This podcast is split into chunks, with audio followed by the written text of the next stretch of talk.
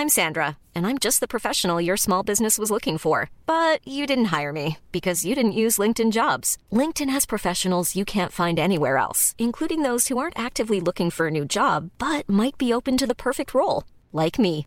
In a given month, over 70% of LinkedIn users don't visit other leading job sites. So if you're not looking on LinkedIn, you'll miss out on great candidates like Sandra. Start hiring professionals like a professional. Post your free job on linkedin.com/people today.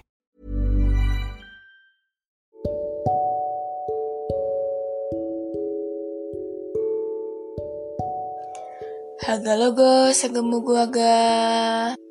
Maaf kalau misalkan ada suara orang tadarusan karena gua nge-record ini jam 23.36 Gua nge-record ini setelah gue pulang kerja. Dan maaf banget juga kemarin Rabu gue nggak publish episode apa-apa Karena beneran gue lagi sibuk banget ngurusin opening store tempat kerja gue Ini juga gue sempet-sempetin banget ngejar deadline supaya hari Sabtu malam minggu malam ini kalau kalian dengar untuk nge-publish episode ini.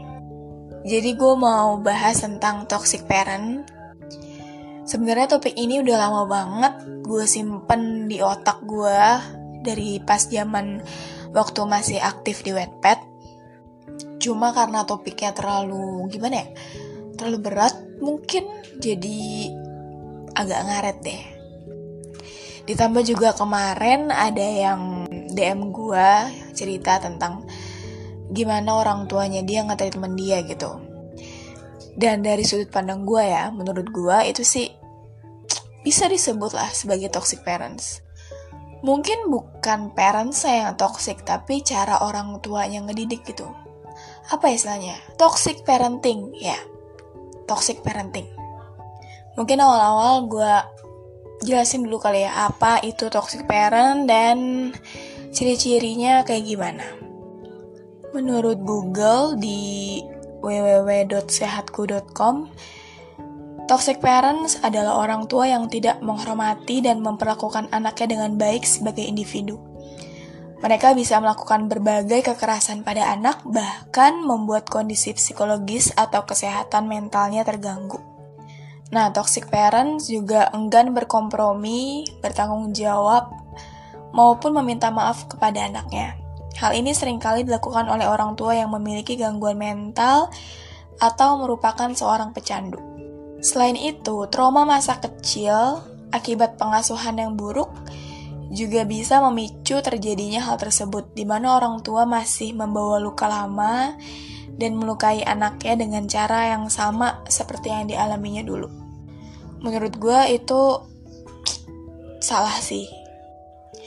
Kalau misalkan gue one day gitu ya jadi orang tua, gue nggak akan nge-treatment anak gue seperti apa yang dilakukan emak gue ke gue gitu.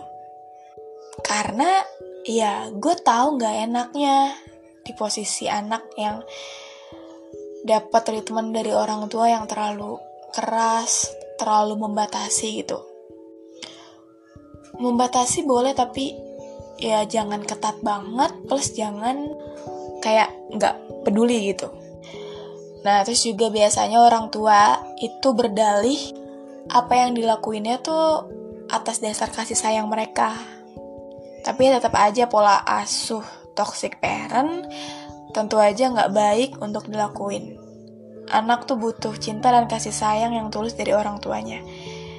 Jika nggak dapat hal tersebut, tentu aja jiwa anak bisa terluka.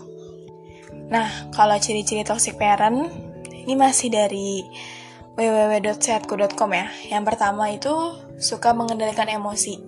Yang kedua suka mengontrol. Yang ketiga selalu menyalahkan anak. Yang keempat sering mempermalukan anak. Yang kelima mereka bersaing dengan anak. Mungkin gue mau bahas tentang yang selalu menyalahkan anak. Gue itu termasuk orang yang gak bisa mutusin sesuatu sendiri waktu itu. Jadi, misalkan ketika gue ada pilihan yang harus gue pilih, orang pertama yang gue minta pendapatnya adalah orang tua gue. Terlebih mama gue gitu. Tapi kadang jawaban beliau tuh suka ngebuat gue ngedown sih. Kayak waktu itu gue punya modal 200 ribu. Gue mau bikin usaha thrift shop gitu kan. Sebenarnya cukup-cukup aja sih. Kalau gue hitung, ditambah juga gue udah beli um, segala macamnya gitu. Kayak kantong plastik gue udah beli, tali gunting gue udah beli. Jadi yang 200 itu ya pure buat beli bajunya aja. Terus gue nanya sama emak gue, Mak, duit 200 ribu serah mau buat usaha thrift shop nih. Jawaban dia adalah, Mana cukup duit segitu buat usaha thrift shop buat beli baju bla bla bla bla bla. Nanti malah gak ada untungnya bla bla bla bla bla. Terus gue mikir, anjir gue tuh butuh support dari orang tua gitu tapi malah kenapa yang bikin gue ngedown tuh malah orang tua gue sendiri ya. Itu sakit sih. Mungkin kenapa gue waktu itu masih terlalu mendengarkan orang tua gue adalah karena waktu itu gue pernah nggak dengerin gue coba nutup kuping gue nggak dengerin mereka gitu. Gue gue mencoba untuk egois lah gue mencoba untuk mendengarkan diri gue sendiri. Tapi akhirnya gue gagal. Dan yang orang tua gue bilang adalah tuh kan gagal kan? Tuh kan salah kan? Makanya kalau mau bilangin tuh nurut bla bla bla bla bla. Mungkin itu yang ngedoktrin gue sampai waktu gue minta pendapat untuk bikin usaha thrift shop karena ketika gue gagal, orang tua gue nyalain gue. Orang tua gue malah bikin gue jatuh dan bukan hanya mangatin gitu. Bener deh, kalau gue jadi orang tua someday, kalau anak gue nanya, mah begini gimana ya? Atau iya dia minta pendapat gue lah gue bakalan nyuruh dia untuk dengerin diri dia sendiri. Kayak ya udah, kalau misalkan dia gagal nggak apa-apa kok, yang penting kan udah nyoba. Nah, poin selanjutnya yang mau gue bahas adalah sering mempermalukan anak. Gue sering banget dibandingin sama tetangga, dibandingin sama sepupu, gue lagi di depan nih lagi ngobrol sama mama mama gue tuh si Sarah mah males. Si Sarah mah bangunnya siang mulu. Si Sarah mah di kamar mulu. Gimana ya pengen gue tegur itu emak gue pengen gue ceramahin itu emak gue gitu. Harusnya dari yang kita tahu adalah cara terbaik untuk menegur seseorang atas kesalahan dia gitu. Ya dengan lu ngobrol berdua kan? Enggak lu omongin di depan semua orang. Itu namanya mempermalukan. Ya mungkin itulah cara ngedidik orang tua yang jadul gitu ya. Semoga yang dengerin ini para milenial nanti kalau punya anak ya ya lu tau lah betapa nggak enaknya dijelekin sama orang tua sendiri tuh kayak gimana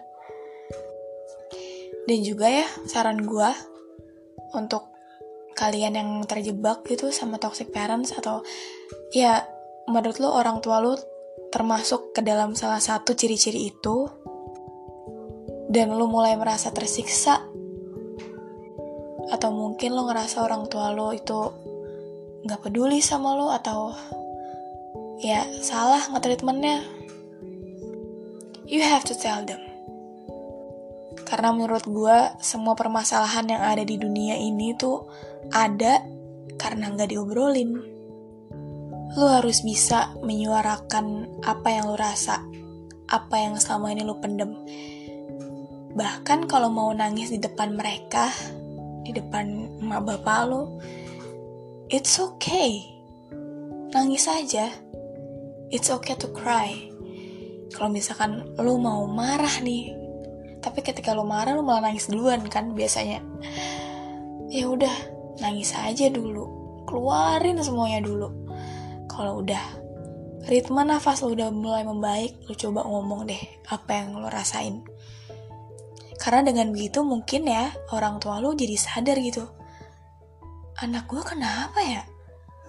Atau, oh god, ternyata anak yang selama ini gue lihat selalu nurut, selalu senyum, ternyata serapuh ini loh. Right? Bakalan gitu gak sih? Harusnya ya, harusnya akan jadi tamparan keras bagi para orang tua ketika ngelihat anaknya itu ngelepas topeng dia selama ini. Mungkin juga karena orang tua lo gak sadar mereka ngelakuin toxic parenting selama ini. Makanya perlu dikomunikasiin biar kalian itu saling terbuka satu sama lain gitu. Mungkin juga nanti ketika orang tua lo ngeliat lo buka topeng, ketika orang tua lo ngeliat lo nangis di depan mereka, mereka bakalan kecewa sama diri mereka sih. Karena ternyata selama ini mereka nggak cukup untuk menjadi orang tua yang baik buat anaknya. Makanya susah sih jadi orang tua. Malah mungkin sebenarnya mereka juga belum selesai sama masalah diri mereka sendiri. Kita nggak ada yang tahu kan sebagai anak. Kita cuma dapat imbasnya dari mereka gitu. Dan ya mereka juga nggak tahu. Jadi saling nggak tahu karena nggak dikomunikasiin. So sekali lagi saran gue you have to tell them ngobrol. Ya 11 menit. Segini dulu kali ya sharing tentang toxic parents. Kalau misalkan nggak cukup nggak tahu ya cukup atau enggak ya. Kalau misalkan enggak kalau misalkan ada hal lain yang mau gue omongin gue bakalan um, bikin part 2 nya sih.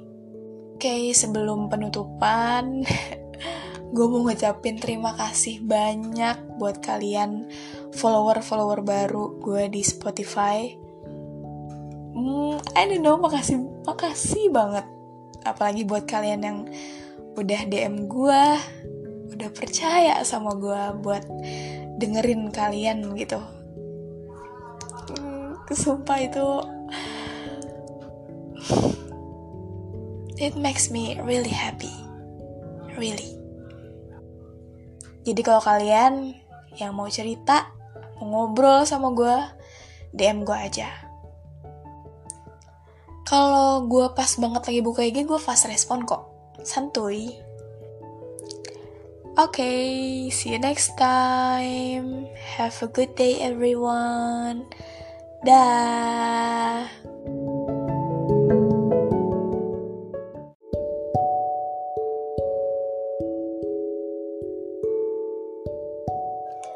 Haga logo segemu gua ga.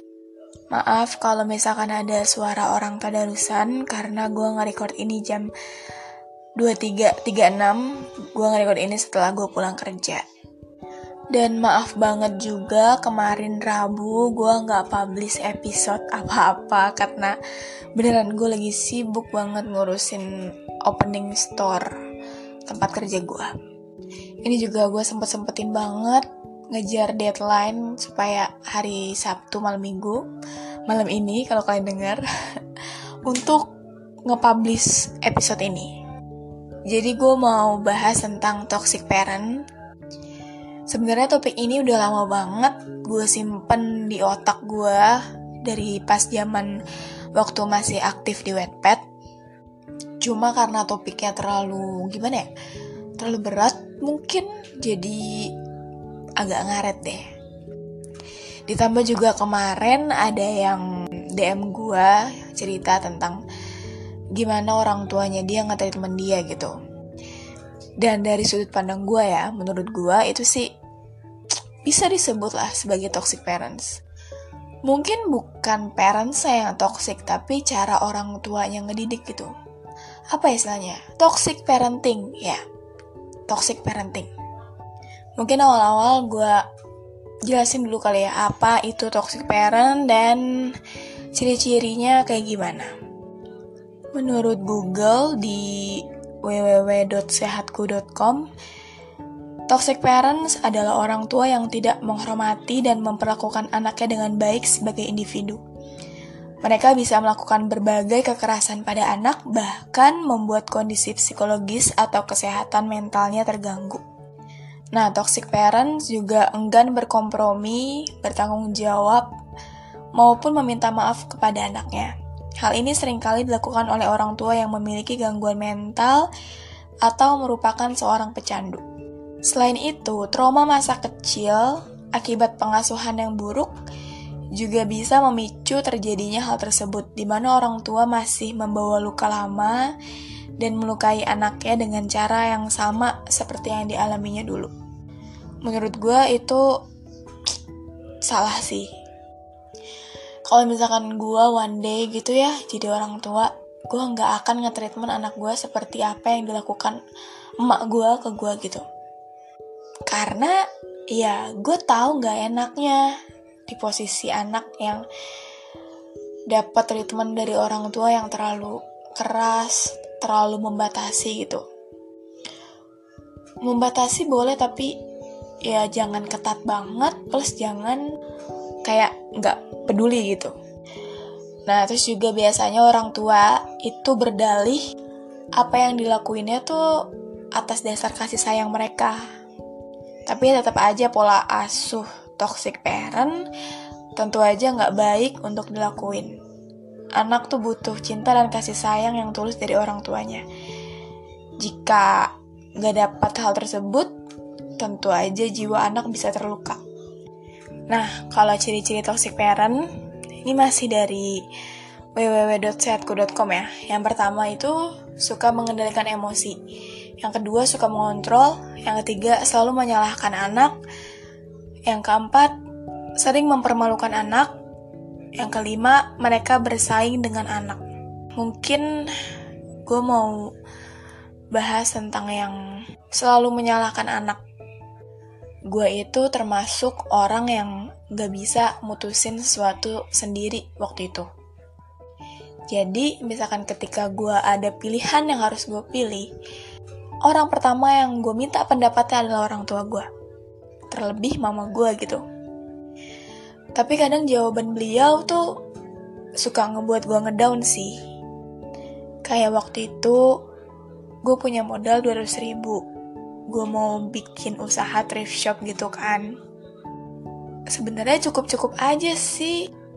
Kalau gue hitung, ditambah juga gue udah beli um, segala macamnya gitu kayak kantong plastik gue udah beli tali gunting gue udah beli jadi yang 200 itu ya pure buat beli bajunya aja.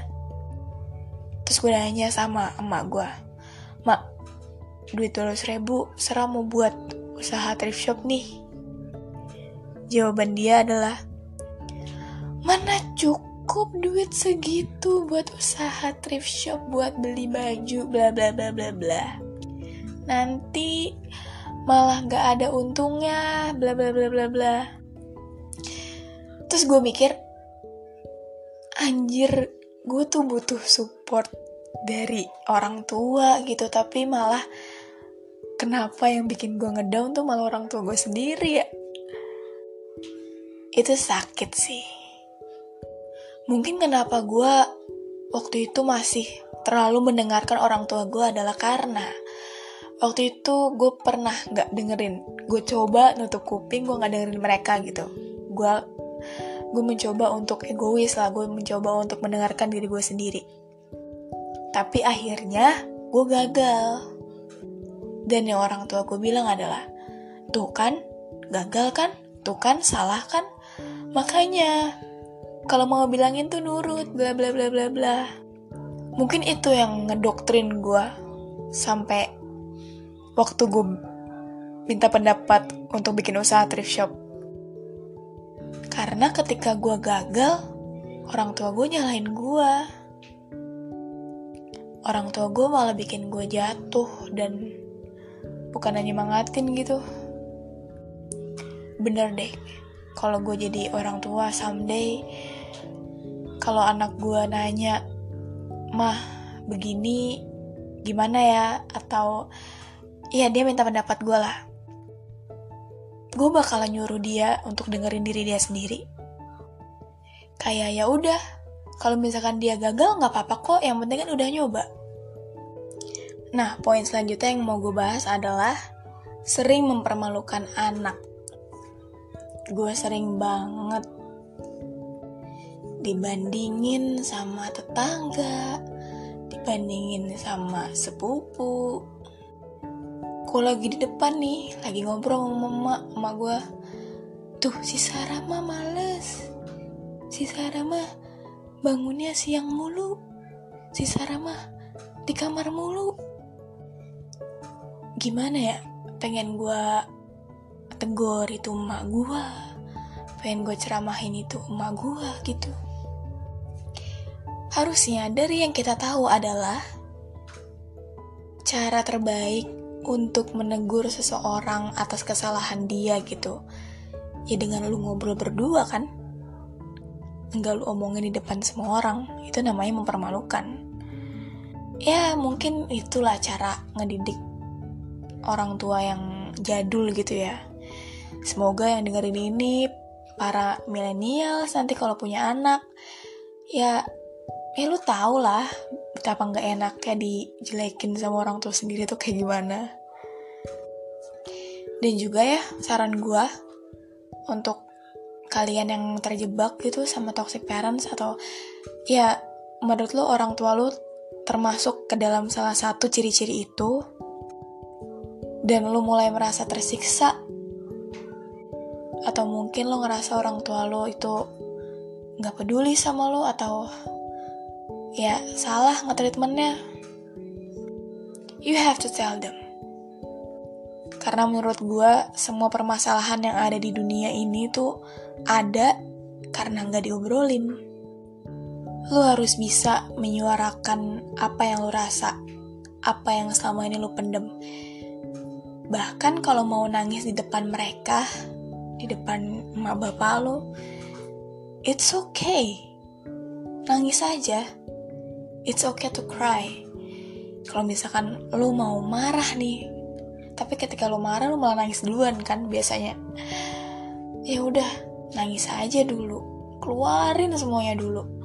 Kalau udah ritme nafas lo udah mulai membaik, lo coba ngomong deh apa yang lo rasain. Karena dengan begitu mungkin ya orang tua lo jadi sadar gitu. Anak gue kenapa ya? Atau, oh god, ternyata anak yang selama ini gue lihat selalu nurut, selalu senyum, ternyata serapuh ini loh. Right? Bakalan gitu gak sih? Harusnya ya, harusnya akan jadi tamparan keras bagi para orang tua ketika ngelihat anaknya itu ngelepas topeng dia selama ini. Mungkin juga karena orang tua lo gak sadar mereka ngelakuin toxic parenting selama ini. Makanya perlu dikomunikasiin biar kalian itu saling terbuka satu sama lain gitu. Mungkin juga nanti ketika orang tua lo ngeliat lo buka topeng, ketika orang tua lo ngeliat lo nangis di depan mereka, mereka bakalan kecewa sama diri mereka sih. Karena ternyata selama ini mereka nggak cukup untuk menjadi orang tua yang baik buat anaknya.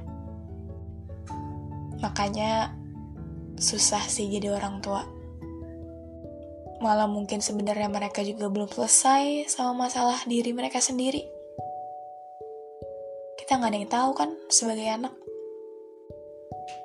kita cuma dapat imbasnya dari mereka gitu dan ya mereka juga nggak tahu jadi saling nggak tahu karena nggak dikomunikasiin. So sekali lagi saran gue you have to tell them. Ngobrol. Ya 11 menit. Segini dulu kali ya sharing tentang toxic parents. Kalau misalkan nggak cukup nggak tahu ya cukup atau enggak ya. Kalau misalkan enggak kalau misalkan ada hal lain yang mau gue omongin gue bakalan um, bikin part 2 nya sih.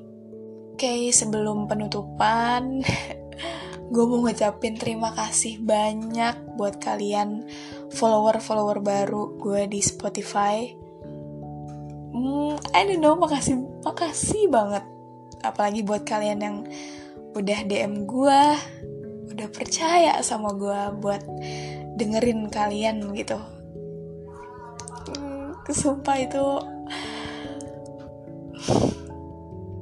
it makes me really happy really jadi kalau kalian yang mau cerita mau ngobrol sama gue DM gue aja kalau gue pas banget lagi buka IG gue fast respon kok santuy Okay, see you next time. Have a good day, everyone. Dah.